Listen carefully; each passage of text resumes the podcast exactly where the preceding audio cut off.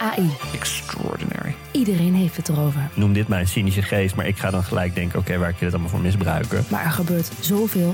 Dat kun je toch niet bijhouden? Jawel. Want er is Poki, een podcast over kunstmatige intelligentie waarin ik praat met supernerd Alexander Klupping Je kijkt me nu aan een soort van hoezo misbruik. en techfilosoof Wietse Hagen Kunnen we dit normaliseren? Willen we dit normaliseren? over de wonderenwereld van AI. Do you like me? Status error. Luister, Poki. Ik ga nu ophangen. Bedankt.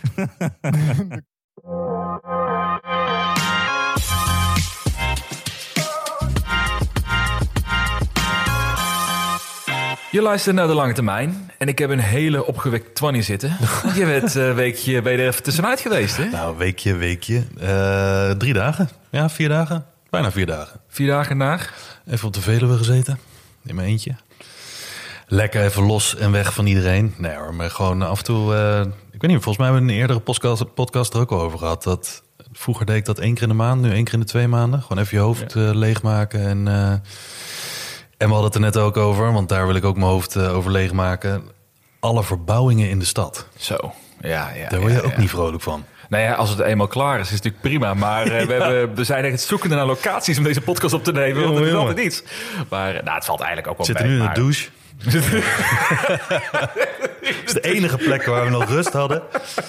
Ja, nou ja, goed. Dat, eh, maar ook in de douche kan je whisky drinken. Want dat is een goed, te- goed teken. En we hebben vandaag een hele speciale whisky trouwens. Ja, Want we hebben Friesk Hinder. Spreekt dat goed uit, en denk die je? had je van Mark. Ja, van Mark gekregen. Top man. Ja, dat is wel heel tof. Dat is ook een heel mooi, eh, mooie paard. Staat Omdat je, met, de eh, omdat je met de podcast was gestopt.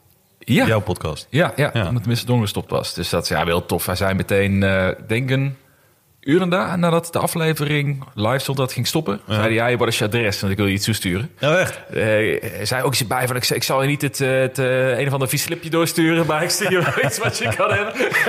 nou, dan hoop ik dat het whisky is. En dat is het. Maar ik heb hem echt een week bewust mee bewaard, totdat jij er ook bent. Wil er niks op? Nee, nee ik heb hem Oh. alleen maar opengemaakt net, maar ik heb hem niks getest. Dus we kunnen hem samen testen. Dus, Kijk, even- een momentje stilte. ja, moment van rust. Oh, hij is lekker. Hij is inderdaad lekker, ja. Hij is wel lekker sterk ook. Ja, maar niet rokerig, maar wel echt een... eh, daar kan je een goede avond mee, mee van maken, hoor, denk Ja. ik, met deze. Of, Had, of een goede podcast. of een goede podcast maken. Je had het toch misschien had je deze mee moeten nemen, toch naar de Veluwe. Of wat je moeten weten, een voor. Had je helemaal niks meer in Had aangekregen. denk ik, boxers ja. door het bos gelopen, denk ik. Maar bij eh, in de Veluwe heb je ook nog eh, na kunnen denken over aandelenzaken? Of is het helemaal, helemaal gul, nul gedachten erover? Tuurlijk. Ja? Ja, tuurlijk. helemaal omgooien nu ook. Nee, ik heb alles verkocht. Alles Alweer. verkocht. Je hebt naar de natuur gekeken, de Veluwe. Je dacht Ja. van, ik alleen nee, maar, dit wordt niks. Nee, eh, nee. Alleen maar Shell. Nee, maar Shell. ja, ik zie jou nog een keer teruggaan. Nee, maar eh, nee, ik heb gewoon vooral veel gelezen. En eh, ik probeer altijd dan een beetje dingen te doen die wat anders zijn dan met beleg- beleggen te maken hebben. Dus was eh, rustgevend. Rustgevend, Ik heb weinig naar de koersen en zo gekeken. Is er wat gebeurd? Ook wel lekker, toch? Nee, best wel weinig eigenlijk. Nee, we gaan het zo meteen hebben over de week van afgelopen week. Maar nu weet ik dat het op mijn schouders gaat, op dit moment. Nee, er is voor mij niet, niet helemaal niet zoveel gebeurd. Maar wat natuurlijk wel leuk is om even te kijken naar de portfolio's. Ja. Want er staan een grote verandering aan te komen met de, de lange termijn portfolio. Ja, ja, ja, ja. Maar voordat we eraan gaan beginnen. Nee, kunnen we die skippen? Dat normaal Oh, nee, die, kunnen we niet skippen. Dit kunnen we niet skippen. even de disclaimer doen. Nee, die bedoelde ik niet. Ja, go for it. Anders kunnen we weer aangeklaagd worden. Hè? Alweer, ja. Niets wat wij zeggen is financieel advies. Wij zijn geen financieel adviseurs en deze show en onze meningen zijn puur voor entertainment. Doe altijd je eigen onderzoek en beleg alleen met geld dat je echt voor een hele, hele, hele lange tijd niet nodig hebt. De tandjes duurt mij lang. We gaan het zo hebben over portfolio. Maar ze zeggen toch wel die uitspraak van... eh, wat zeg je? De, de, de market can be longer than you can be insolvent. Ja, ja, the het? market can stay uh, irrational longer than you can stay solvent. Ja, ja dat, dat, dat, is, dat is hem. Dat is hem. Nou ja, kijk, ik ben erop voorbereid dat het misschien wat langer kan duren tot ik mijn geld terugkrijg. maar we gaan het zo meteen over de portfolio's hebben. Maar ik, ik ben wel te wachten bij die moment komt dat hij een keertje omdraait. Want hoe lang is hoe lang? 50 years later. Nou ja, echt ja. Maar natuurlijk ook als je wilt helpen dat wij ons portfolio wel sneller kunnen gaan redden. Dan kun je je aanmelden voor Vriend van de Show. Dan krijg je exclusieve afleveringen. Iedere vrijdag wordt die weer geplaatst. Eh, vorige week over NFT's. Hadden mensen een mening over. Ja. Dat is altijd mooi. Maar eh, als Vriend van de Show kun je ook invloed hebben wel wat we gaan bespreken. Ja. In die exclusieve aflevering. Ook heel leuk, denk ik. En daar help je ons natuurlijk mee. En dan eh, compenseer je meteen ons verlies van het portfolio dit jaar. Want laten we daarmee beginnen. Jij staat lekker, hè, geloof ik nog steeds. Ja, zullen we wel eerst even nieuwe vrienden bedanken? Oeh, ik ga er vandaag ook alle kanten. Ja, joh, je gaat Nee. lekker hard. Ja, nee, ik, eh, ik merk dat het een eh, lange dag is geweest. Het is de woensdag vandaag. Het is niet Het is- helemaal de... Nee, het is woensdag, breekt zo lekker de week. Maar we hebben drie nieuwe vrienden. Eh, Marijn, Leon en Tony. Kijk, grappig, door mijn vrienden werd ik vroeger altijd Tony genoemd. waarom werd je Tony genoemd? Ja, dat weet ik ook niet eigenlijk. ja, goed verhaal. Heet Twan? Nee, ja, Tony. Oké, top. Dus ik heb Kijk. zelf even 2,50 gestort. Nee, ik, ik zei al tegen je van... Ik dacht eerst, het zou het de CEO van Canoe zijn geweest. Die heet ook Tony. Die zegt van, hé, hey, hier heb je 250 jongen. Hou mijn aandelen vast. Het komt wel goed. Ik steun je. Paai je even eh, met 2,50. Maar ik denk dat dit een andere Tony is. Ik, weet- ik denk dat we wel weten het welke Tony ook. het ook is Ja. ook. Hè? Dus ook een vaste, vaste volger van de show. Precies. Dus, eh, ja, nou ja, dan kunnen we nu door naar het portfolio. Nou, ik merk wel dat jij er scherper in zit nu na zo'n week Veluwe. Ja, joh, ik ben helemaal scherp. Ja. Niet echt anderhalf uur gereden net. Maar portfolio's, ja, eh, waar zullen we mee beginnen? Met het beste of met het minst goede? Je, wilt, maar je wilt eigenlijk zeggen, moeten we met jouw portfolio beginnen? Of wil je met Nou mijn portfolio ja, beginnen? Ja, maakt mij niet uit. Zeg het maar. Nou, ik trap hem wel af, omdat het, eh, dus dan hebben we die, Hoe sta je ervoor? hebben die pleister ook weer eraf getrokken natuurlijk. Ja, jongens, het is weer zover. Ik sta gewoon weer in het rood. Ja? Ja, het is... Je echt in het rood? Ja, min, Oh, één- min dat wist 1%. ik niet. Ja, min één. Ik- dacht gisteren ging er nog de goede kant op met een paar aandelen. Misschien ga ik net nog in de zwarte cijfers komen Ja. voor vandaag. Had ik een beter verhaal gehad. Nee, eh, het is gewoon een min 1% dit jaar. Ah, dat is wel weer lekker wat je gewend bent, toch? Het, is, het is wel, voelt wel als vanouds dit. Dat, Groen. dat wel. Groen is natuurlijk, eh, ja, een beetje een rare kleur. Ik kreeg ook mensen die aan me gingen vragen van... waarom Ja, eet je geen noedels meer? Waarom pak je weer normaal eten? Ja, ik dacht van ja, ik sta met groen, dat kan dit jaar. Maar eh, nee, hoor, ik, ga, ik terug naar de noedels en de broccoli. Want dit is... eh, nou ja, ik heb gewoon het ongeluk... Of geen ongeluk, maar het zit... ehm, Vooral met Canoe en Disrupt Metal die de grootste zijn, die zijn Ja. de laatste weken fors teruggevallen. Dus ja, Ja. dan kun je, dat maakt voor de rest allemaal bijna niet meer uit. Waar staat Canoe nu op? Poeh, eh 72 cent, 70 cent. Man, man, man. Ja, het is, ehm wordt er niet heel vrolijk van. Nee. Niks. En Disrupt Metal is de laatste week ook 13% teruggevallen. Terwijl Echt? er niks In één week? Eh, drie weken, drie, vier weken tijd. Terwijl er geen nieuws gebeurd is, maar gewoon terugval. Ik weet het niet meer. Vanavond earnings, dus we gaan het meemaken of volgende week nog droeviger zit. bij Of je de die hele fles whisky nog gaat opdrinken of niet. Zo, ja, nou ja. Van ellende eh, of van eh, juichen. nee, nou, dat is wel een goed moment inderdaad. Ja, ja, dat is Hoe dan ook, er gaat op. Dus Mark, perfecte timing, jongen. Ik heb wel een nieuwe positie geopend. Oh. Heb je eh, misschien meegekregen? Ja. Ik heb eh, Google erbij. Ja, Google. Wat, wat is het nou? Is het Google of Google? Google, Google of, of alfabet. Kan ook nog steeds. Ik, herhaal ik gebruik ze ook allemaal door elkaar heen eigenlijk. Maar het is natuurlijk want het valt alles onder. Nee, maar we hebben er, eh, we hebben er best wel een paar keer over gehad. Hè. Ook van vragen van welk aandeel zou je kopen? Zou je voor vijf jaar vasthouden? En of als je maar één aandeel mocht hebben, wat zou het zijn? Nou, ik heb meerdere keren, of eigenlijk altijd Google genoemd ook. Ja. Als, het zou moeten. Ja, nu kwam die onder de 19 dollar. Ik had een analyse gemaakt voor een nieuwe Twitter-formatje waar ik ehm, bedacht heb. Ik dacht van ja, goed, we kunnen weer bezig blijven en wachten tot die paar euro's dalen. Of we openen nu gewoon een kleine positie en Ja. we stoppen ermee. Ja, hadden we het ook al een keer over, toch? Nou ja, ik zag, Ja. en ik kreeg al een terechte opmerking trouwens op iemand van Twitter erover. Want ik, ik schreef erop van, nou, ik wacht tot eh, eh, Google op 85 dollar staat. Was het op die dag 90 dollar.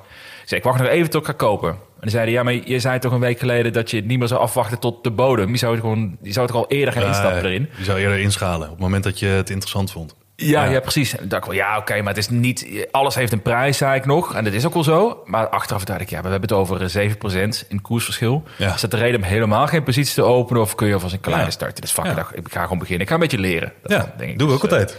Superman.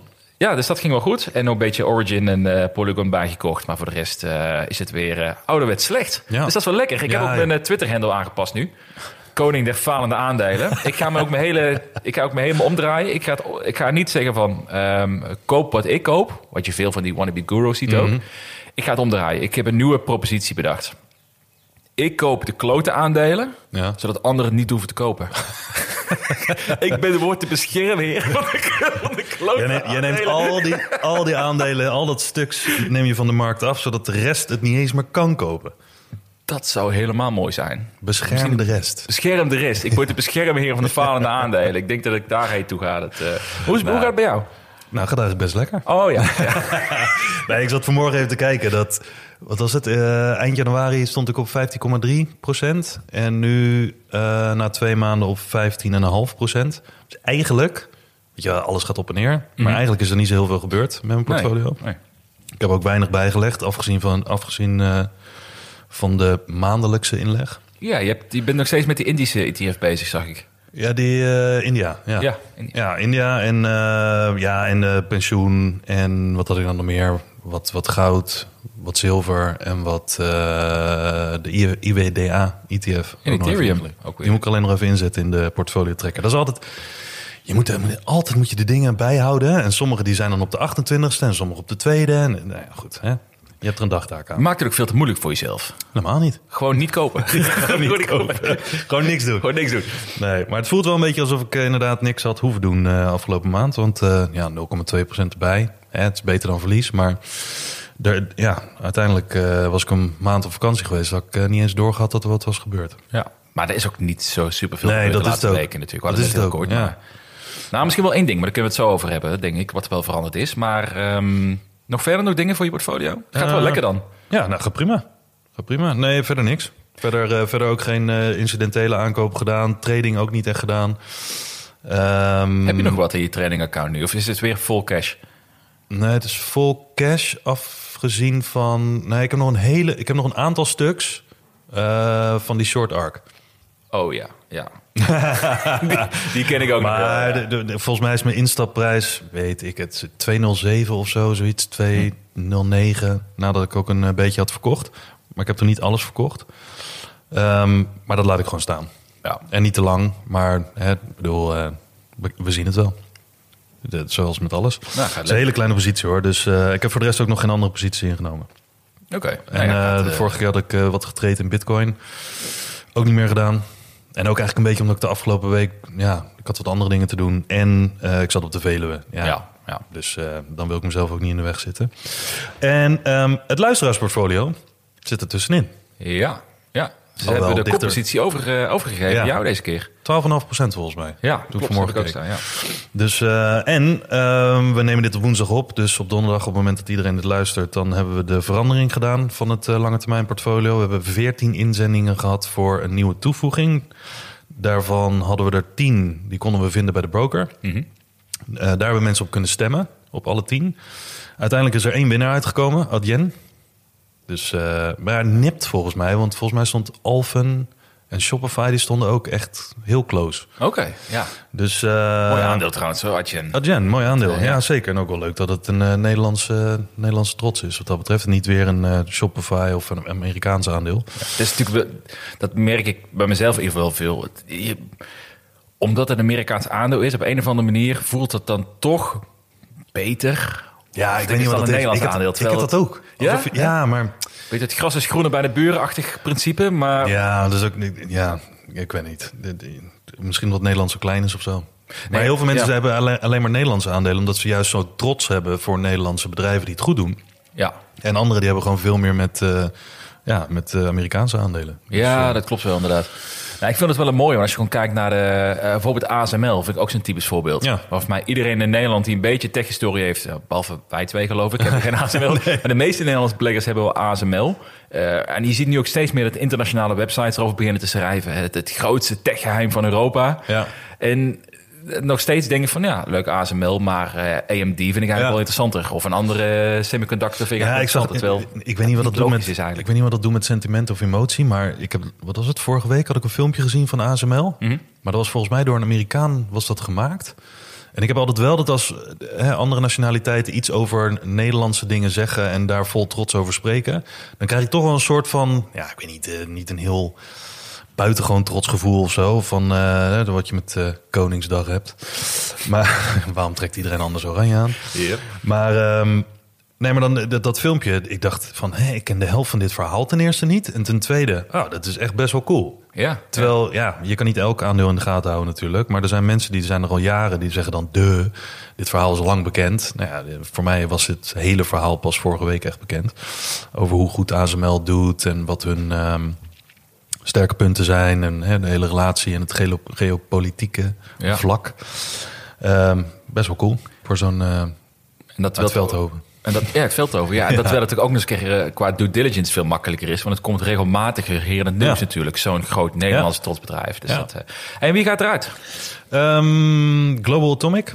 Ja. en Materialize. Oeh, Materialize. Daar gaat de enige 3D-printer in het Ja. portfolio. Ja, dat is goed voor jouw desktop metal. Ja, heb ik, heb ik nu kans om des te metal voor een keer erin te krijgen. Dat, eh, nou, als ze goede earnings hebben vanavond, misschien worden wel mensen enthousiast erover. Ja. Eh, nee, maar dus die, eh, die twee die vallen eruit. Ja. Ehm, en dan eh, agenda erin. Dat doen we op donderdag. En dan ehm, hebben we, we hebben nu 25 namen. Dan gaan er twee uit, één komt erbij, dus hebben we er 24. En het doel is uiteindelijk een beetje rond die sweet spot te komen tussen de 15 en 20 posities. Ja. Want dit gaan we elke twee maanden doen. Dus twee eruit, één erin. Dus, eh, en dat wil niet zeggen dat de aandelen die dit keer niet geworden zijn, eh, dat die het volgende keer ook niet eh, hoeft te worden. Want ja, er kan weer op gestemd worden natuurlijk over twee maanden. Dus we gaan het zien. Leuk. Ik ben benieuwd. Het zijn nog echt wel, toevoeging. ja, ik vind het ook een leuk portfolio aan het worden. Ja, ja. En leuk is een Nederlandse trots erbij te Ja, hebben ook. Dus dat, zeker. eh, hey, als je kijkt naar de markt de afgelopen weken, er is natuurlijk niet superveel gebeurd. Ja, zat lekker in de Veluwe, dus Ja. dan gebeurt er sowieso niet veel natuurlijk. Ja, misschien een paar koeien die je wakker eh blaren. Op de groentemarkt, ja. De goede markt is misschien. Maar ehm, er is inderdaad niet zo heel veel gebeurd. Maar er is Nee. één ding wat mij opvalt. Benieuwd of, hoe jij dat ziet. Ik heb het gevoel dat we een agressievere vet krijgen dan we allemaal hadden verwacht twee weken geleden. Ja, zo'n idee heb ik ook, ja. Tenminste dus- van de berichten die ik allemaal lees. Ja, opeens gaat het van, van ja, de rente gaat misschien een heel klein beetje omhoog of wordt stabiel, tot heel veel opportunisme dat het misschien wel sneller lager gaat worden. Ja. Opeens van, oh shit, het kan nu opeens 0,5, 0,75 hoger zijn dan we eigenlijk hadden Ja. verwacht. Ja, ja wat we, ze zeiden op een gegeven moment dat, dat, dat ze dachten dat het op de 5% of 5,25 of zo uit zou komen. Ja.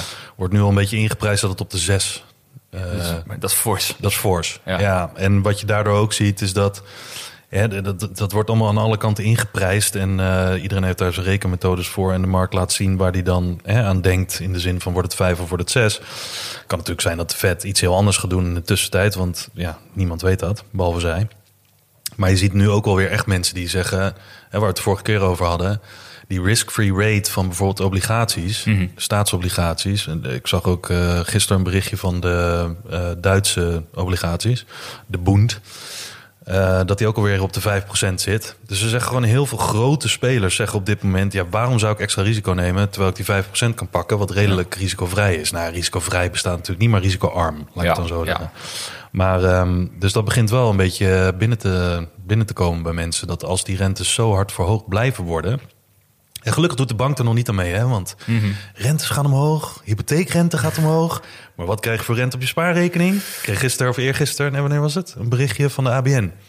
Van 0,25% naar 0,5%. Holy shit. Nou, ik zou stoppen met beleggen, man. Ik ga allemaal aan. Alles op je spaarrekening. Dat, Ja. eh, nee, maar ehm, daar ben ik dus inderdaad mee eens. Ik heb ook het gevoel dat daar goede alternatieven komen. En we hebben natuurlijk gezien wat er gebeurt als de rente omhoog gaat en omhoog blijft gaan. Hoger dan mensen verwachten. Dan is het natuurlijk meteen de hele markt in turmoil. Ja. Zeker eh groeiaandelen, tech-aandelen, waar we natuurlijk allebei Ja. best wel fan van zijn ook. Heeft er nog impact voor jou op je portfolio? Of zeg je eh, op, dat je misschien iets conservatiever wordt nu met bijkopen of nieuwe posities? Of, Mm, Nee. Nee. Nee? Nee. Nee, ik heb op zich nog, tenminste, die 10 maanden die ik vooruit plan, en met sommige dingen 20 maanden vooruit, ik heb nog genoeg bewegingsruimte om, eh, als het echt een bepaalde, niet op basis van geruchten of op basis van vooruitkijken, maar meer als er echt iets nijpends aan de hand is, ja, dan ga ik een beetje desnoods of agressiever of, of eh, defensiever worden. Maar ehm, nee, voor nu niet. Oké. Blijf gewoon Ja. lekker doen wat ik doe.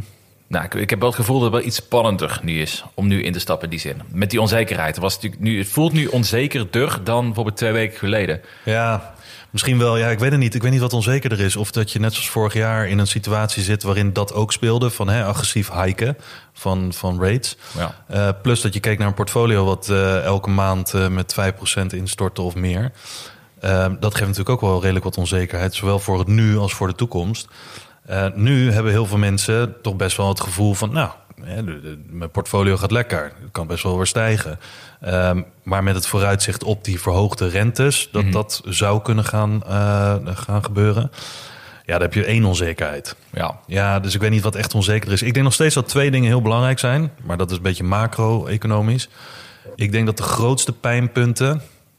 over het algemeen nog steeds de huizenmarkt... Mhm. En want dat heeft wat te maken met hoe moeilijk mensen het gaan krijgen, hoeveel ze besteedbaar inkomen ze nog hebben, eh, eh, noem maar op. Heel veel mensen die onder water kunnen komen te staan. Geen idee als het echt hard gaat. Eh, en werkloosheid. Hm. Want als je geen inkomen meer hebt, dan kan je ook niks meer beleggen. Dus ik denk dat die twee dingen, ja, die zijn op zich nu nog niet echt super nijpend. Ehm, dus ik denk niet dat. Ik denk pas dat er echt grote problemen gaan ontstaan als die twee dingen. Dus huizenprijzen echt fors gaan dalen. En als de werkloosheid fors gaat toenemen. Ja, Ja, en ja, op dit moment, iedereen spreekt over een recessie. Iedereen spreekt over economische onzekerheid. Consumentenvertrouwen is laag, et cetera. Maar het, het, voelt een beetje als een soort tussen wal en schip. Ja, het is nu meer sentiment gedreven dan echt cijfermatig gedreven. Ja. daarin? Ja, en we ook dus omdat- zien het nog niet terugkomen in de echte wereldcijfers. Laat Nee, zo zeggen. precies. Dus Ja. echt de harde klap. Kijk, met 5% eh, klapjes, hè, in welke indicator dan ook... ja, dan kan je denken van oké, nou prima, kan ik wel handelen. Als er 5% van je salaris afgaat, Mhm. maandelijks, niks aan de hand. Maar als je in één keer je salaris kwijt bent... ja, dat is een klap die je echt Ja. even moet verwerken. Dus ik denk dat dat soort klappen, dat dat de onzekerheid nog groter zou maken. En op dit moment voelt het een beetje als stilte voor de storm. Welke storm? Geen idee. Positief, negatief? I don't know.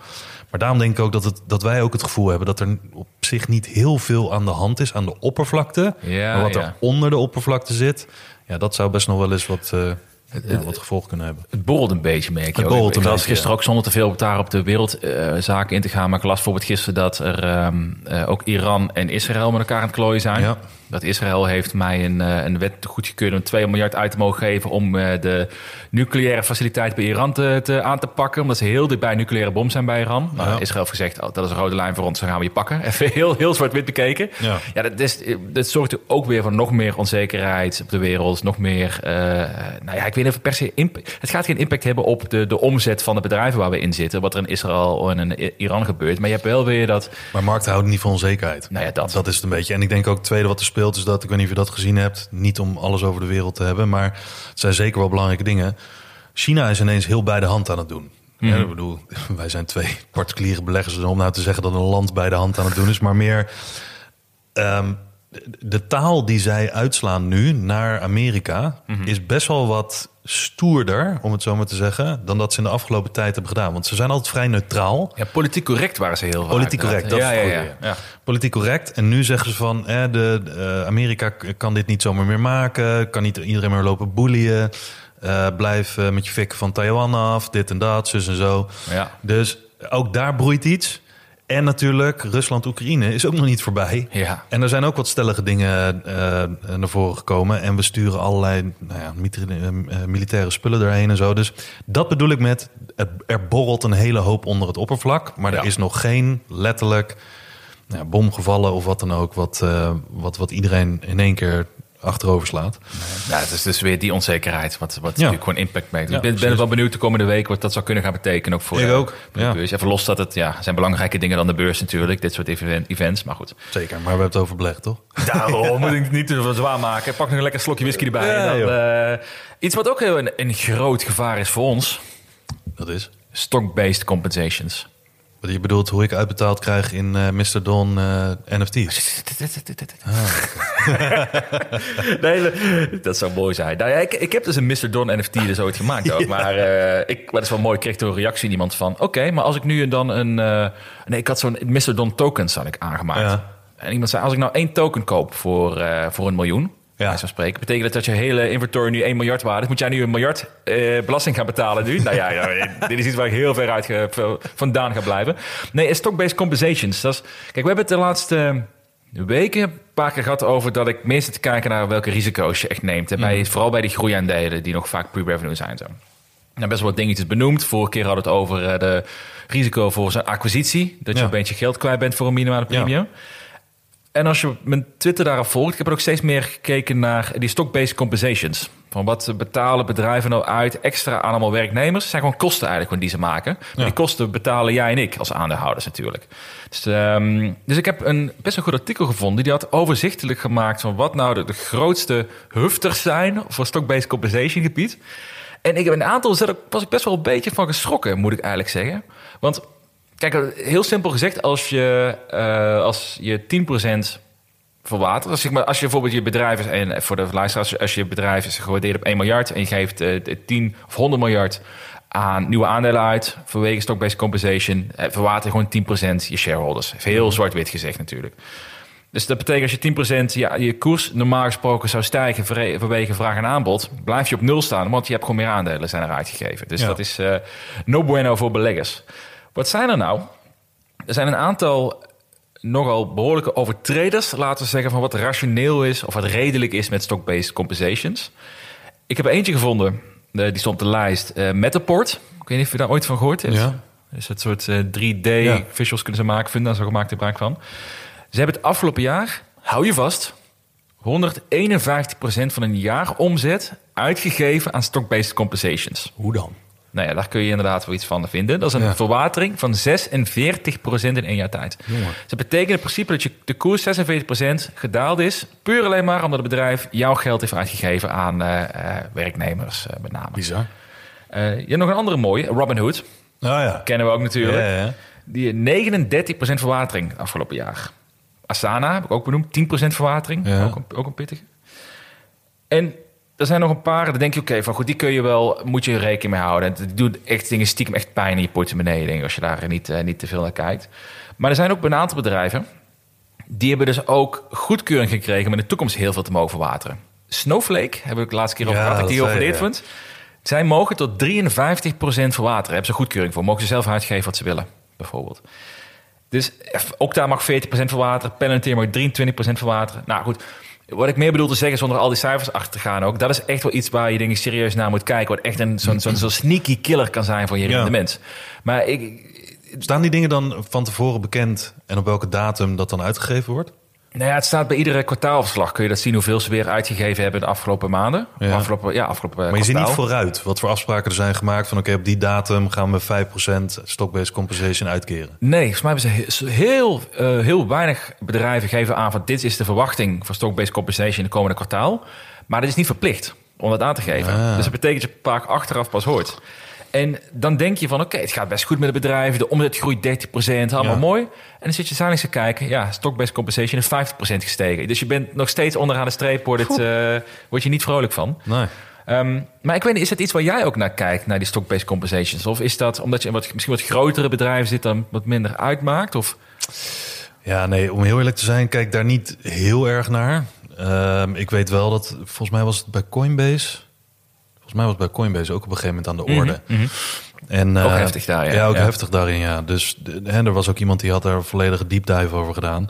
Ja, nee, eh, heel kort. Ik houd in de gaten in de zin van dat het me opvalt als, eh, als er iemand wat over schrijft. Maar ik ga er niet zelf in die zin zo daadwerkelijk naar op zoek.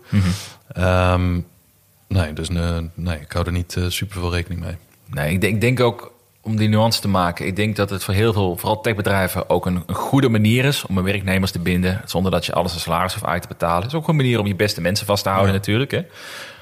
Maar je hebt er een aantal bij die, die eh, als je niet beseft hoeveel ze uitgeven, dat je eh, jezelf in je kop kan slaan. Ook, Nou, ik zou wel in die zin, in verband met in de gaten houden, zou ik wel, als ik dat soort dingen zie en ik schrijf ze op en er zit een bepaalde trend in die de verkeerde kant op gaat. Eh, hè, als het steeds meer wordt bijvoorbeeld, of als ze steeds dingen zeggen eh, en niet hè, beloven van, nou, dit gaan we allemaal niet meer doen, dit wordt minder, eh, we gaan meer value aan de shareholders eh, eh, uitkeren. En dan uiteindelijk blijkt dat ze dat toch niet gedaan hebben. Als dat een paar van die, waar we het vorige keer ook over hadden, als dat van die red flags zijn in, in termen van beloftes of alleen maar je in-crowd bevoordelen, wat natuurlijk veel gebeurt, in plaats van je out-crowd, namelijk degene die eh, niet in het bedrijf werken, maar wel aandelen hebben. Ja, ja. Ja, dan, dan is het toch gewoon een overweging voor mij van blijf ik hierin eh, in beleggen of niet? Ik bedoel, je kan nog zoveel eh, toekomst zien in zo'n bedrijf. Maar ja, als het intern gewoon een complete verrijking is voor iedereen en dat gaat ten koste van je aandeelhouders, ja, dan moet je je afvragen van dan kan het nog zo'n succes worden in de zin van het hele product of de dienst of wat dan ook. Maar ja, daar zou ik niet heel vrolijk van worden. Dus dat, Ja. dat zou voor mij wel een reden zijn om in ieder geval af te schalen of eh, compleet eh doei te zeggen. Ja, ik denk dat dit een. eh, ik denk, er wordt weinig benoemd, maar ik denk wel dat bij sommige aandelen echt een serieuze bleeder kan zijn dus op je rendement. Echt wel iets om naar te kijken. En, maar het is wel wat jij zegt, klopt. Je moet wel kijken denk naar de trend. Dus ik vind Palantir is een mooie. Die zijn eigenlijk sinds een beursgang worden zij eigenlijk eruit gepakt als voor een hoge stock-based compensation. Maar daar zie je ieder kwartaal zie je, zie je verder dalen. Ja. Dus dan weet je, langzaam is die trend positief. In de zin, het wordt steeds minder. Het was Ja. heel hoog, wordt steeds minder. Dan kun je denken, oké, het gaat de goede kant op. Maar je hebt ook een aantal aandelen, ja, een paar die ik net genoemd heb ook. Maar bijvoorbeeld zo'n, eh, we hebben het laatst over AI gehad.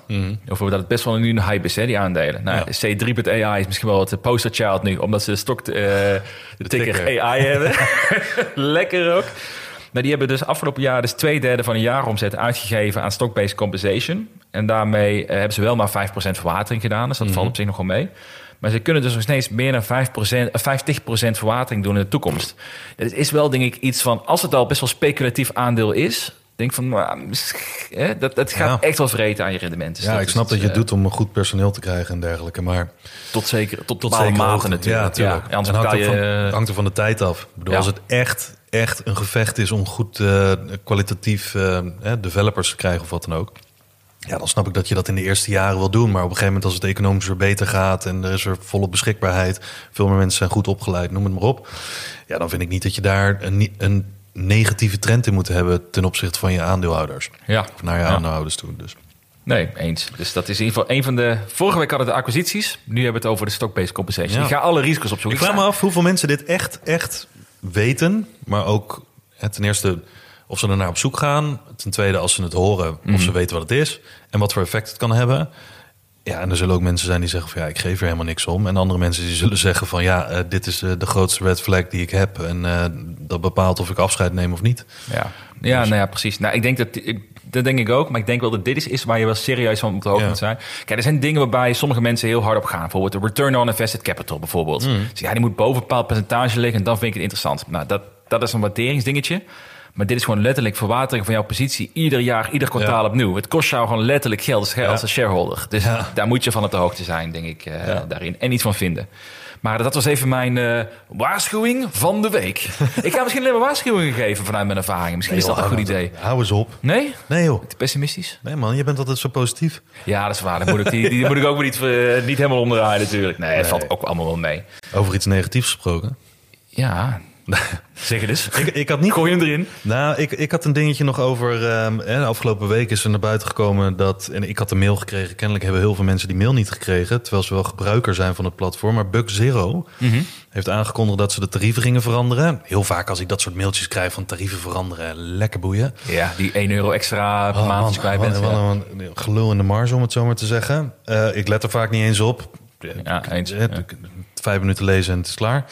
Maar nu viel me wel iets op, omdat ik ten eerste op Twitter al zag dat mensen het erover hadden. En ten tweede viel me ook iets op vanuit die mail. Is dat als je kijkt naar hoe Bug Zero gepositioneerd was, een heel goedkope broker. Hè, je komt met zero orders, dat noemen ze dat dan. Eh, kon je aan het eind van de dag kon je een, eh, of je kon een order doen, een zero order. Aan het eind van de dag bundelen ze die, kunnen ze ze goedkoop in de markt zetten. En vervolgens hoeft je geen transactiekosten te betalen. Dus eigenlijk kon je gewoon gratis beleggen bij Bucks.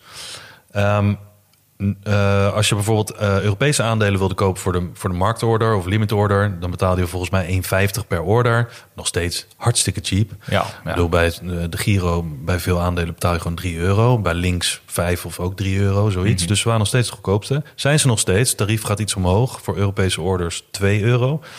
Ehm, maar ook Amerikaanse orders waren dan gratis. En je betaalde wel iets van een FX-fee, volgens mij 0,35 procent. Ehm, nu gaat dat naar volgens mij een euro eh, transactiekosten plus een iets lagere FX-fee. Maar meer in lijn met een de Giro dan Ja, bijvoorbeeld. precies. Ja. en in lijn met de Giro. Dus uiteindelijk kan je zeggen, ja, niet zoveel aan de hand. Waar, waar maakt iedereen zich druk om? Maar toen kwam nog het paragraafje dat ze een maandelijkse fee gaan vragen. Dus Oh. eigenlijk een soort abonnementskosten, net zoals met Netflix. Ja. Je gaat 2,99 betalen. Iedereen die bij Bucks eh, Zero belegt. Of iedereen die een account heeft, er wat gratis aandelen heeft staan. Want die heeft hij gekregen via allerlei... hè, meld je vrienden aan. Eh, maar vervolgens doen ze er niks mee, beleggen ze nauwelijks. Iedereen gaat 2,99 per maand betalen. Vanaf 1 april. Oké. Dus ik dacht, ja, hè, wat voor gevolg heeft dat dan voor mij? Niet zoveel. Want ik kan nog steeds op mijn manier, eh, of hoe ik daar beleg, betaal ik nu iets van 4 of 5 euro transactiekosten. Doe ik gewoon alleen dollar cost averaging daar. Eh, via een spaarplan wat zij hebben. Daar betaal ik per spaarplan 1 euro voor. En ik heb af en toe nog eens een zero order die dan gratis is. Uiteindelijk 5 euro per maand, transactiekosten, niks aan de hand. Dus met 2,99 eh, maakt mij niet zoveel uit, want dat spaarplan waar ik de meer dan 80% mee doe, die wordt gratis. Dus van 1 euro nog gratis. Dus eigenlijk, hè, broekzak, vestzak, ik geef nu 5 euro transactiekosten per maand uit. Ik ga dan 4 euro of 3 euro transactie, of, eh, eh, kosten betalen. Maar Voor mij is dat geen probleem, omdat ik een iets grotere belegger ben daar. Maar als jij 50 euro per maand belegt bij Bux... en je doet dat altijd via een eh, zero-order, hè, dus altijd gratis... dan had je tot nu toe in een jaar, als je 50 euro per maand inlegt... 600 euro ingelegd tegen nul transactiekosten. Maar nu ga je 2,99 per maand betalen. Dus in feite ga je 6% soort van transactiekosten betalen. Je kan nog steeds alles gratis qua transactiekosten doen, maar die service fee die slokt gewoon een. Dat moet je gewoon zien als een soort verkapte transactiekost. En terwijl Buck zich altijd heel richt, juist op die beginnende kleine Ja, en dit, toch ook. en dit is dus hetgene wat mij een beetje verbaasde. Ja. Is dat als je echt voor de beginnende kleine belegger bent... die zijn portfolio heel langzaam hè, vanaf nul wil opbouwen... dan benadeel je ze eigenlijk totdat ze een grotere account hebben. Mhm. Want die 2,99 per maand, die hakt best wel in je, hè, in je winst... als het zo eh, bekeken wordt, als je maar 50 euro per maand inlegt. Maar je hebt geen keuze. Je kunt niet zeggen, ik betaal niet de maandelijks, Nee. ik betaal die hogere transactiekosten. Nee. Nee, dus ik had het met iemand op, eh, op Twitter er ook over. Het zou beter zijn bijvoorbeeld, hè, maar dat is allemaal een beetje... Ik, ik werk niet bij Bucks, dus het zou beter zijn als je... Kijk, reële bedragen, dus 3 euro op hele kleine bedragen zoals 50 euro per maand, dat hakt erin. Mhm. Maar doe dan een percentage totdat je een percentage transactiekosten, een percentage maandelijkse fee, totdat je op een punt bent van 5000 euro totale portfoliowaarde. En ga dan die 3 euro eh, heffen, want op grotere accounts, zoals dit voor die van mij, maakt het helemaal niks uit. Die 3 euro.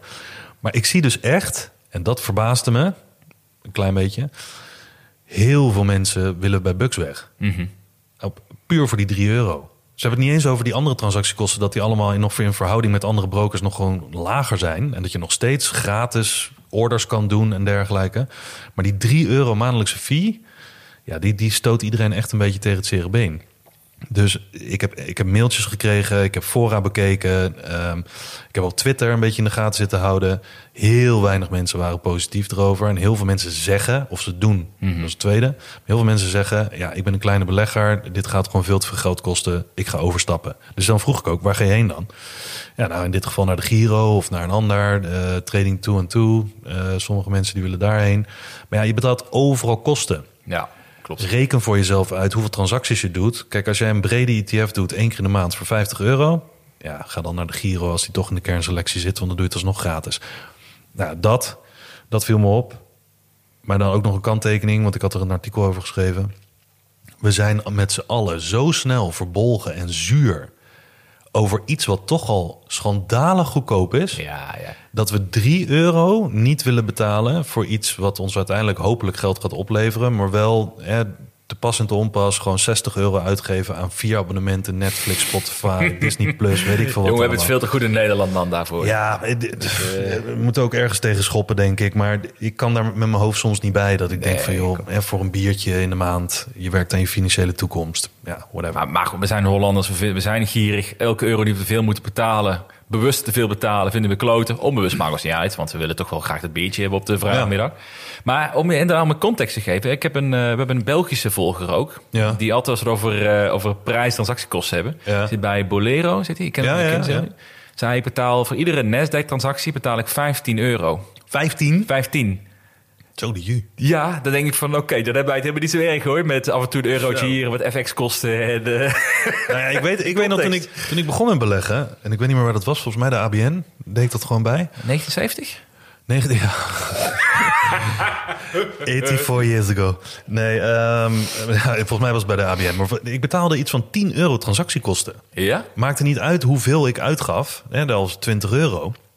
Ik betaalde gewoon 10 euro transactiekosten. Dat zorgde er wel voor dat ik dacht van... oh ja, ik moet niet met elke 20 euro een, een, stukje aandeel gaan kopen. Maar, of een aandeel kopen, want fractioneel kon niet. Maar ja, als je dat zo bekijkt... van hoog naar laag terugschalen is iedereen blij.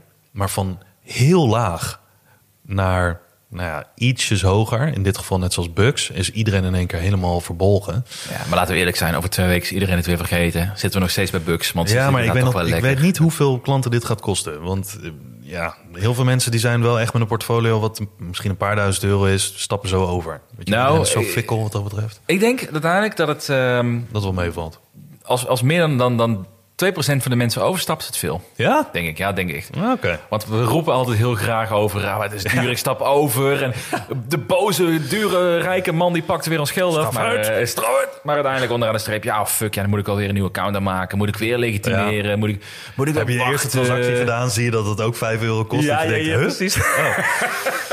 nee, maar ik denk het wel, wel meevalt. Maar je kreeg trouwens, misschien is dat leuk in de opvolging. Je kreeg een vraag van Annette erover, toch? Misschien is dat... eh, Oh ja. Annette die vroeg, ehm, hoe stap ik over van Bucks naar de Giro? Dat is misschien een van die 2% zo. Ja, dat zou kunnen. Ik zie volgens mij geen optie om dit eenvoudig over te zetten. Ja, heel vaak kan je, als je bij een broker zit, kan je zeggen van, joh, ik wil overstappen. Hebben ze een soort overstapservice, net als bij de bank. Eh, Kunnen ze je hele portfolio overschrijven naar de nieuwe broker. Bij Bucks kan dat niet. Trouwens, sowieso bij de, bij de Giro. de meeste ook niet, toch? Die Nee, maar bij de Giro kan het bijvoorbeeld wel. Maar dan denk ik, dit, dit gaan niet heel veel mensen doen. Want volgens mij per positie die je hebt, dus per aandeel... eh, niet stuks, maar per verschillende aandelen... betaal je 100 euro. Nou, ja, ja, ja. Ja, als jij een portfolio van 5000 euro hebt... dan ga je natuurlijk niet 10 posities overzetten. Kost je al 1000 euro. Nee, maar zelfs als je een portfolio hebt van een miljoen.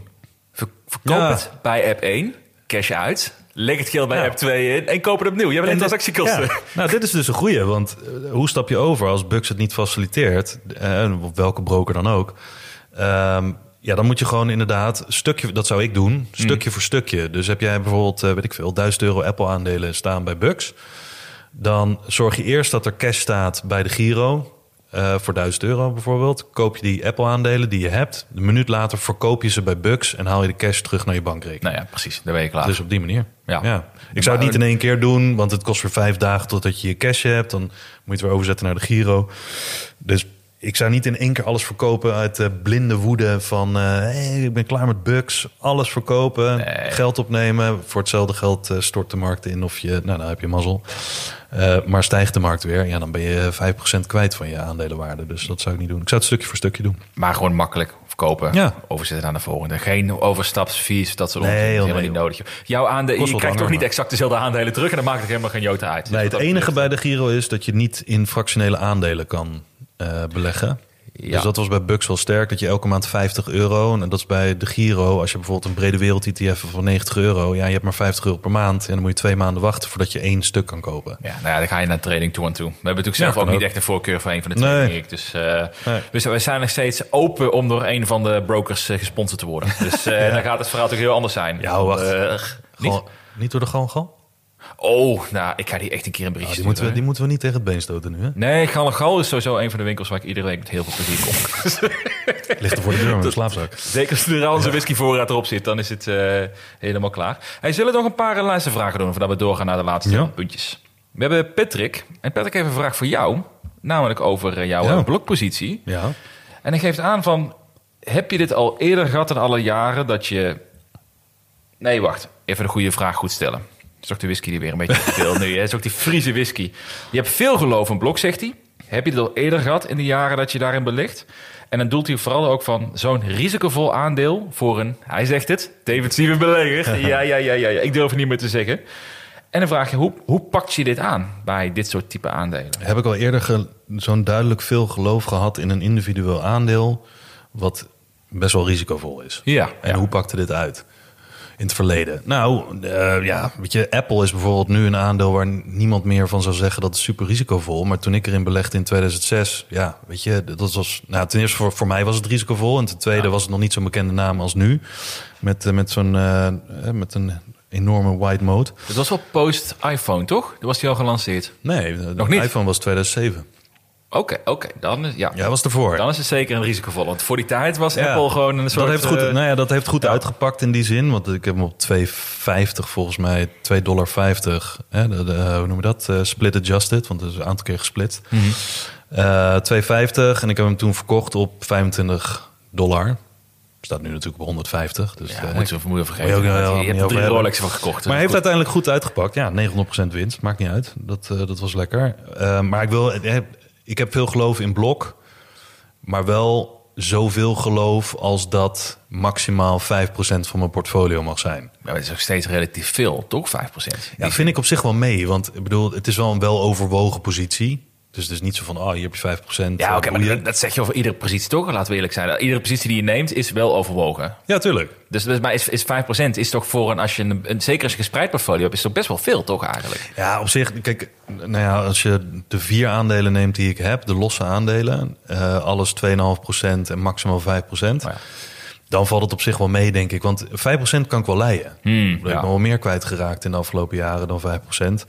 Ehm, en ik blijf het vervolgens in de gaten houden. Ehm, ja, ik heb daar wel, ik, ja, bijvoorbeeld nou, bij Blok specifiek, eh, die cash app, dat is wel echt een cash cow. Hmm, ja, zo. Dus ik heb het als cijfers een- gezien, ja. mooi. Bizar. Dus, en ook alle plannen die ze hebben. En ik vind het gewoon een mooi bedrijf. Ehm, zou het net zo goed kunnen uitpakken dat het eh, maal 10 gaat als Apple? Geen idee. Maar ik heb er wel vertrouwen in dat het in ieder geval over vijf jaar hoger staat dan nu. Wat is Blok nu waard? 40 miljard of zo? 40, 50 miljard? Nou, dat zou ik niet eens weten. Nee. Dus, eh, ja, ik weet het ook niet in mijn hoofd. Nee. Maar voor mij wel, wel een serieus bedrag. Maar nog niet dat ze eh, geen eh 300, 400 miljard natuurlijk. Waar Nee, je precies. Nee, echt door de topboys mee gaat spelen. nee dus, ja, dat, eh, dat, dat cash, die cash app is echt... ja. Ik denk alleen dat de enige, nou ja, goed, niet om het te veel over blok te hebben. Dat zou mijn vertrouwen nog een klein beetje, of mijn geloof nog een klein beetje kunnen schaden. Die afterpay ehm, ehm, acquisitie die ze hebben gedaan, dat schijnt wel echt een money burner te zijn op dit moment. Omdat er heel veel defaults zijn. Hè, Als je Ja, later betaalt, ja. mensen kunnen niet meer betalen. Dat schijnt wel een best wel, een, eh, ook in het laatste kwartaalverslag. schijnt best wel een dingetje te zijn. Maar over het algemeen, ja, ik heb er vertrouwen in. Zal het goed uitpakken? Geen idee, maar daar heb ik wel geloof in. Hey, misschien is er nog een leuke opvolgvraag erover. Dus je had... eh, Nee, joh. Oh, oké. Tuurlijk, ja. niet, niet nee, nee, specifiek. Nee, ik probeer het iets breder te halen. Want ik, we hebben net best wel veel gehad over bugs. Het is natuurlijk heel specifiek één ding. Maar ik ga Mhm. het iets breder voor beleg hebben. Eh, je, hebt, je gaf net aan dat je vroeger een Apple zat erin. Je hebt nu veel vertrouwen in Blok. Zijn er Mhm. bepaalde dingen waar jij dan naar kijkt bij die aandelen... wat jou aanspreekt? Wij zien dat gebeurde daar, gebeurde hier. Daarom... Om, eh, wat vergelijkbaar is? Ja, waarom je in beide bedrijven... Wat je ziet in beide bedrijven... waarom je zo enthousiast was, bent. Ja, en ik denk dat dit de stomste opmerking is die je kan maken als je belegt. Maar dat is een gevoel. Oh, deze gaat in de sound, soundbite horen hoor. Nee, maar net zoals bij Apple. Ik had daar een soort gevoel bij. En weet je, dan duik je erin, je wordt er enthousiast van. Je ziet de toekomstplannen. Meer toekomst dan wat ze tot nu toe hebben gedaan. Wat ze nu toe hebben gedaan is goed. Daar ben je het mee eens. Eh, daar kan je in vinden. Je zou, er, zou je ervoor willen werken? Ja of nee? Dat vind ik ook nog wel een goeie. ja. Voor mezelf dan. Eh, maar meer naar de toekomst. Kijk, Blok heeft wat dat betreft... Het is niet hetzelfde bedrijf als bijvoorbeeld Apple of Microsoft of wat dan ook. Maar ze hebben meerdere schalen waarvan ze kunnen snoepen, om het zo maar te zeggen. Ze hebben die eh, Cash App, ze hebben Tidal, eh, eh, wat is het, XYZ, ehm, eh, Square. Dus uiteindelijk hebben ze best wel veel lagen waarop ze kunnen groeien. En ze hebben dat allemaal als een ecosysteem in elkaar gekoppeld. Het een werkt beter op dit moment dan het ander. Het een is meer een cash cow, het ander is meer een investering voor de toekomst. Maar ik denk dat zij met die levenscyclus in binnen dat bedrijf en wat ze willen targeten qua doelgroep, en dat dat ook een hele levenscyclus is, hè, van jonge mensen die hun geld ergens moeten eh, stallen en betalingen moeten doen, tot aan dat je klein ondernemer bent, eh, naar blockchain en dergelijke, bedrijfsmatig ook. Ja, dat is gewoon een. Ja, ik, zou daar, ik ben daar best trots op, op zo'n bedrijf dat dat bestaat en dat ze dat soort dingen doen. En ik weet dat dat de slechtste reden is om ergens in te investeren. Dat je gevoel zegt van, oh, dit is goed. Maar ja, zo beleg ik over het algemeen met best wel veel dingen. Of de- daar start het beleggen bij mij mee. Van een goed gevoel ergens mee. Dan ga ik allerlei red flags bekijken. En dan vervolgens ehm, ga ik het in de gaten houden. Maar ik, als de cijfers goed zouden zijn... en het zou een killer bedrijf zijn... maar ik zou er geen gevoel bij hebben... hebben we ook al een keer erover gehad... Ja. dan zou ik er niet eens in investeren. Ja, ja, ja. Dus ja, ik wil ook dat mijn portfolio niet alleen weerspiegelt wat goed gaat, maar ook waar ik trots op ben of waar ik een goed gevoel bij kan blijven houden. Ja, nee, dat vind ik ook een heel punt. Wat, wat ik dacht van misschien ook een belangrijke kan zijn daarin, is de waarde van het merk. Eh, Apple was ook een merk in die tijd in 2006. Toen niet zo sterk natuurlijk als het nu was. Ja. Dat was het een beetje de tijd van de Macintosh en zo, denk ik. Eh, maar het was wel een merk met een hele eigen visie, een hele eigen uitstraling. Nou, eh, Square is er ook. Die hebben Ja. eigenlijk de financiële wereld eh sexier gemaakt. Ook Ja. met de manier van af, die afrekenen, die dingen die ze hebben, die, die hardware die ze hebben gebouwd. Ik denk dat dat ook wel iets heeft. Dat je ehm, het, het, het opbouwen van een merk of een positief gevoel hebben bij een merk in de breedte, dat dat ook, ook voor een beursgenoteerd bedrijf super belangrijk kan Ja. zijn, denk ik. Ja. En in ieder geval, misschien niet voor de korte termijn, dan moet je natuurlijk altijd kijken naar hoe ziet de groei eruit, wat de omzet draait. Maar ik denk dat het merk stiekem meer waarde heeft dan mensen het nu waarde toedichten. Ja, Denk en ik denk, ik vraag me af. Kijk, Blok is natuurlijk waarschijnlijk niet een heel bekend bedrijf. Alleen mensen die erin beleggen. Square Heel- wel. Ja, maar Square dus weer wel. Maar dat Ja. is dan weer onderdeel. Dat heette vroeger Square natuurlijk als hele, ook als eh stockticker en zo. Daarom heet het nog steeds SQ. Maar ehm Cash App is voor heel, heel veel mensen super bekend Ja. in Amerika. Ja, precies. Maar weten dan niet dat het onder Blok valt bijvoorbeeld. Interesseert ze ook verder niet. Nee, maar dat is Eh, het positieve, denk ik. Ja, en dat heb je met Apple had je dat wel. Dat vanaf het begin af aan was het gewoon Apple. En Mhm. alle producten die eronder vielen en alle diensten, dat was gewoon duidelijk Apple. En het was Microsoft, was duidelijk Microsoft. Ehm, ik denk dat dat met Blok op zich nog wel, dat is nog wel gefragmenteerd als Mhm. het gaat om merkbekendheid. Maar ik vergelijk het altijd een beetje met ehm Coolblue in de early days. Die hadden al die verschillende websites. Hmm. En op een gegeven moment gingen ze dat mergen onder Cool, Coolblue. En ik weet nog dat ik hem en een paar aantal vrienden zeiden van... joh, dat gaat toch helemaal niet blijven hangen? Ik ga niet naar coolblue.nl. Ik ga gewoon naar mp3man.nl of weet Ja, ik veel wat ja. het allemaal was. Dus dat kost gewoon tijd. En ik denk uiteindelijk dat dat voor Blok ook zo zal zijn. Maar ik denk merkbekendheid wat dat betreft... Ja, is, is een heel, heel belangrijk ding. Maar ik denk dat Cash App voor hun nu op dit moment de grootste is. Ja, die, die, doet het wel echt waanzinnig. Ja. Dat viel me echt op die cijfers. Ja, ik vind het echt een cool bedrijf. Ja, nee, absoluut, absoluut. En we hadden nog een vraag ook nog gekregen van eh, Slim met Geld. Mhm. Dat is iets, een naam waar natuurlijk wel achter kunnen staan ook. Laten we eerlijk zijn. Ik bedoel, eh, Niet altijd slim met geld. ik doe het tegenovergesteld. En wat is jullie mening als je een brede ETF koopt... maar tegelijkertijd ook aandelen koopt waar je in gelooft... die al in de ETF zitten? We hebben het daar vorige keer over gehad. Ja. Hè? Van als je bijvoorbeeld een, eh, de Nasdaq ETF zit... en daarnaast ook nog 10% in Google zit... koop je niet het dubbele. Ja. Of eigenlijk was toen als je vijf ETF's bezit... die allemaal hetzelfde hebben daarin. Ja, ik, ik zat erover na te denken. Van de, de, de vraag is ook... Volgens mij hadden we het er vorige keer ook over. Is het erg? Als je het- dubbeling hebt? Ja. Ja, ik doe het ook als je maar van bewust bent. Nee, ik denk dat die, ja, precies. Ik denk dat het een kwestie is van nadruk leggen, misschien ook Ja. wel erop. Hè? Van je wil gewoon een brede ETF, maar er zijn een vijftal die jij super interessant vindt. Je legt ermee nadruk op door daar individuele posities Ja. in te starten. Je Ja. versterkt dat stuk eigenlijk een klein beetje. Ja, precies. En als het misgaat met die, of als die achterblijven, die vijf. Stel dat je één ETF hebt waar 100 aandelen in zitten of 100 bedrijven in zitten. En je wil vijf bedrijven specifiek wat groter qua aandeel hebben in je portfolio. Dan koop je de individuele aandelen.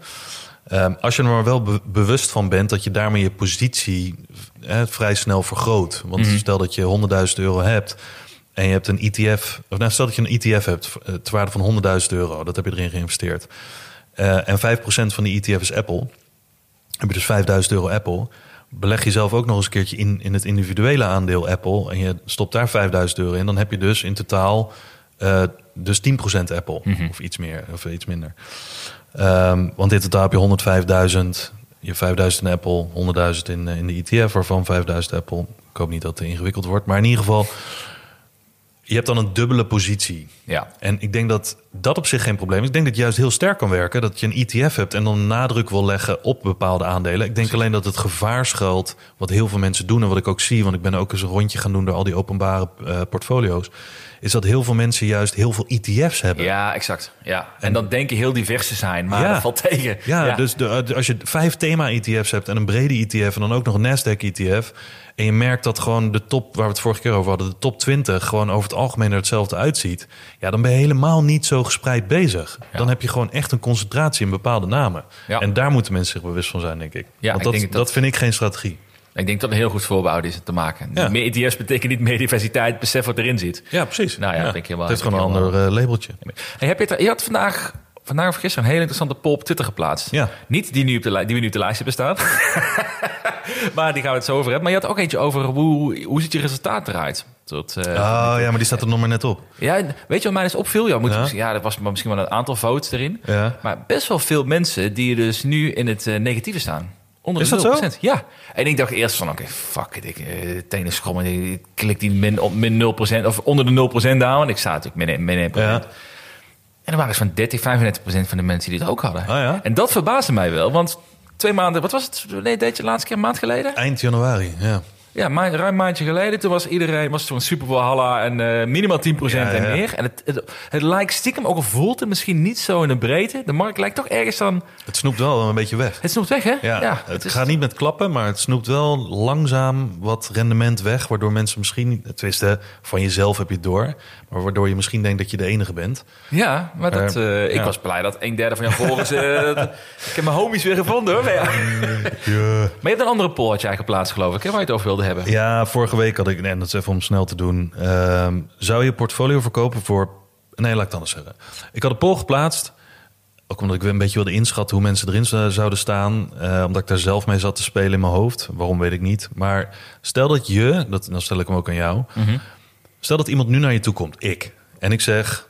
Nou, oké, ik zou het niet doen. nee, maar dat iemand tegen jou zegt. Dat iemand tegen jou zegt van. Oké, wat is de waarde van je portfolio nu? En jij zegt 100.000 euro. En iemand die zegt: Oké, ik koop al je posities van je. Voor 130.000. Dus 30% meer Ja. dan wat het nu waard is. De enige voorwaarde is, zou je natuurlijk denken, ah, dat is lekker. Dat zou je gelijk nemen, 30% upside. Maar de enige voorwaarde is, is dat dat geld, dus die 130.000 euro, mag je dan de komende twee jaar niet meer beleggen. Waarmee eigenlijk gezegd wordt, je pakt nu die 30% voor de komende twee jaar. En je bent dus blij met, eh, als je het even compounding doet, 14% per jaar. Daar ben je dan blij mee. Ja. Zou je dat doen? Zou je het verkopen? En twee derde van de mensen zeiden, ja, dat zou ik verkopen. Ja, twee derde? Ja, twee derde Ja, oké. Ja, ik, ik- omdat ja. Mhm. ze tevreden genoeg zijn met, hè, eh, nou ja, laten we het even eh, makkelijk zeggen, eh, elk jaar, dus komende twee jaar, 15 procent. Ja, is ook boven gemiddeld, dus die snap ik wel. Ja, dat is boven gemiddeld. En Maar zekerheid als je het krijgt, dus ja. Dat, het is een, een gegarandeerde 15 procent per jaar in ieder geval, 14 procent als je het compounding doet. Ehm, maar dat ergens verbaasde me dat een beetje, omdat Mhm. dat zou in mijn ogen de verstandige keuze zijn, de rationele keuze. Terwijl heel veel mensen vaak irrationeel zijn. Maar is dat zo? Is dat per definitie, is dat de rationele keuze? Nou ja, als je ziet, als je het rationele afzet tegen ehm, jaarlijks, hè, dat hangt natuurlijk van je portfolio af, maar stel dat je jaarlijks 10% hebt gehaald in de Ja. afgelopen jaren. Ja, dan zou je natuurlijk overperformen als je deze deal neemt.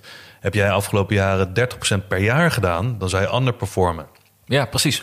Maar hoeveel mensen hebben in de afgelopen jaren 30% gedaan, terwijl de markt, nou ja, weet ik veel, het ene jaar 22% was best wel een goed jaar. En het andere jaar misschien ehm, eh 11%. Terwijl je nu weet dat de omstandigheden echt heel anders zijn dan in het bull market waar we vandaan komen. Dus ja, ik vraag me dat af.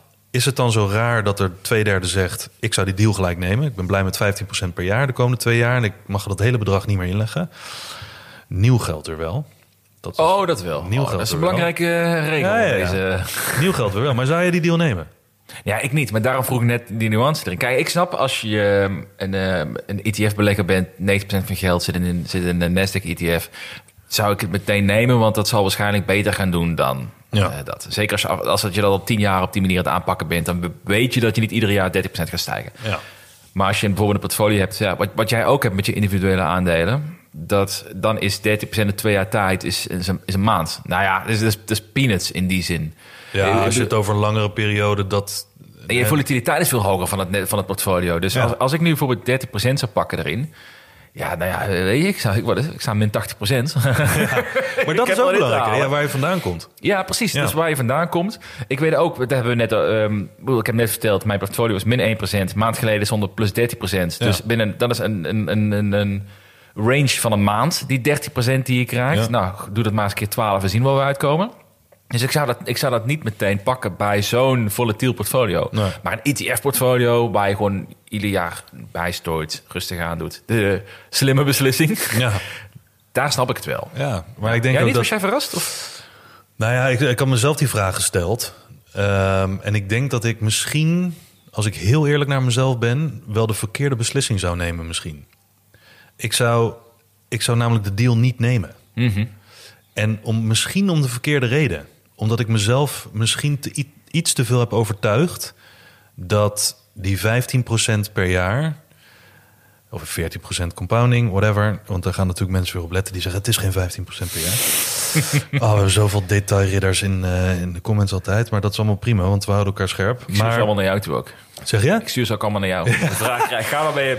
Nee, maar ik zou dus die deal niet nemen, omdat Ja. ik denk dat ik die deal kan outperformen. Dat denk ik. Nou, Oké, maar je hebt dus, maar je hebt ook een legacy. Je hebt ook laten zien, 15 jaar, dat je 13%, 14% hebt gehaald, 16%.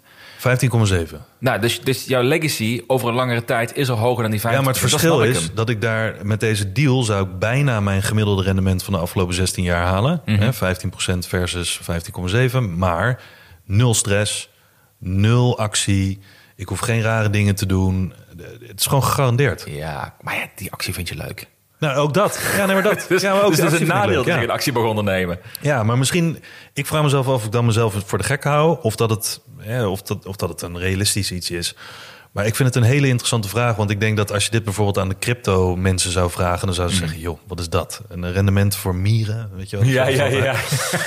Dus, eh, ja. Maar als je dan onze ouders zou vragen, als, als zij langere tijd beleggers zijn geweest, je kan zeggen, je kan 30% Die zouden het gelijk pakken. nemen. Zou je vader het pakken, denk je? Ja, Ja? 100%. Ja, maar ik denk dus dat dat ook een generatieverschil is en wat je gewend bent. Ja. Maar ik, ik, daarom, ik denk dus als jij nu bijvoorbeeld 20 jaar belegger bent in ETF's, je weet dat gemiddeld 6, 7 procent per jaar stijgt, dan denk je, super deal. Ja. Maar de periode waar wij uitkomen, bedoel, ik heb heel veel in te halen. Jij hebt een legacy met 50% plus die je haalt.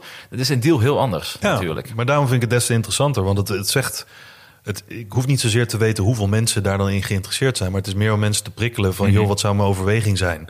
Eh, en ook omdat bij mij die overweging kwam van... Hè, is het wel verstandig dat ik dan zeg... ik neem deze deal niet? Waarom doe ik dat dan eigenlijk? En dat trekt dan ook een beetje door naar hoe ik het voor de rest ga beleggen. Want misschien over twee jaar denk ik... ah, nou, niet dat er echt iemand naast mijn deur stond van... hey, doe mij je portfolio voor 30% in de plus. Maar over twee jaar kan het zomaar zijn dat al onze hoop op dit moment dat we het er nu over hebben, Ja. vele malen hoger was dan de realiteit die uiteindelijk hè, zichzelf heeft uitgewerkt in de komende twee jaar. En misschien hebben we allebei in de komende twee jaar 10% per jaar verlies. Ja. Ja, nou ja, goed, dat zou wel weer als vanouds voelen. Dat zou ook niet erg. Dat, eh, maar laten we, oké, maar laten we omdraaien, want we die, die over die andere raken laten zitten, dit onderwerp. Maar de, ehm, als je de optie biedt aan iemand van je gaat voor 20 jaar lang je geld vastzetten en je krijgt, krijgt eh, gemiddeld 15% of 14% per jaar erbij, zou ik het meteen doen. Ja, Ook al weet ik Ja. dat ik nog heel veel in te halen heb, zou ik het nog steeds meteen doen. ja. Ja, dat is interessant. Want als je, dat, eh, als je de variabelen verandert, dan hè, wordt de overweging anders. Ehm, ik twijfelde ook nog of ik zou zeggen 20% in plaats van 30%. Oeh, dan wordt het wel heel aantrekkelijk. Eh, Nee, maar als je, als je 20% over twee jaar... Oh, dus dan 20 zou- in plaats van ja, 30. Ja, dat. ja. Dus dan zou je uiteindelijk, dat zou, dat zou het gemiddelde zijn Hmm. wat een ETF bijvoorbeeld doet. Hè, en, doorgaans. ja, nee. Maar dat ligt te dicht bij dat gemiddelde. Dit zit er net iets boven. En voor heel veel mensen is 15% echt fantastisch. En voor mij is het ook fantastisch. Nee, 20% doen we niet aan. Dat is, dat is een small boy talk. Dat doen we niet aan. Alleen maand. big boy talk. 20% per maand. lekker dan. Nee, maar dat hangt er dus echt helemaal vanaf wie je bent, in welke fase van je leven je bent. Eigenlijk zoals met alles met beleggen. eh, Hoeveel risico Ja. wil je nemen voor een eh, rendement? En hoeveel rendement heb je nodig om iets gegarandeerd te hebben?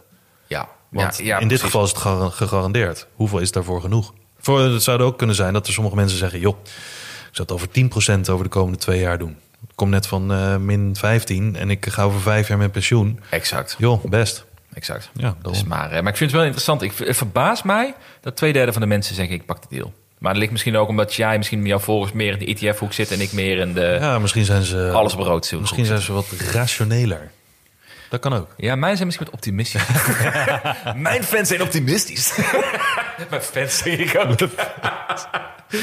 Zo bedoelde ik het helemaal niet trouwens. Hey, eh, als je dit een toffe podcast vindt, dan ehm, het beste wat je kunt doen is jezelf blij maken. Dat is namelijk door onze score te geven. Dan gaat Twan minder vaak naar de Veluwe toe.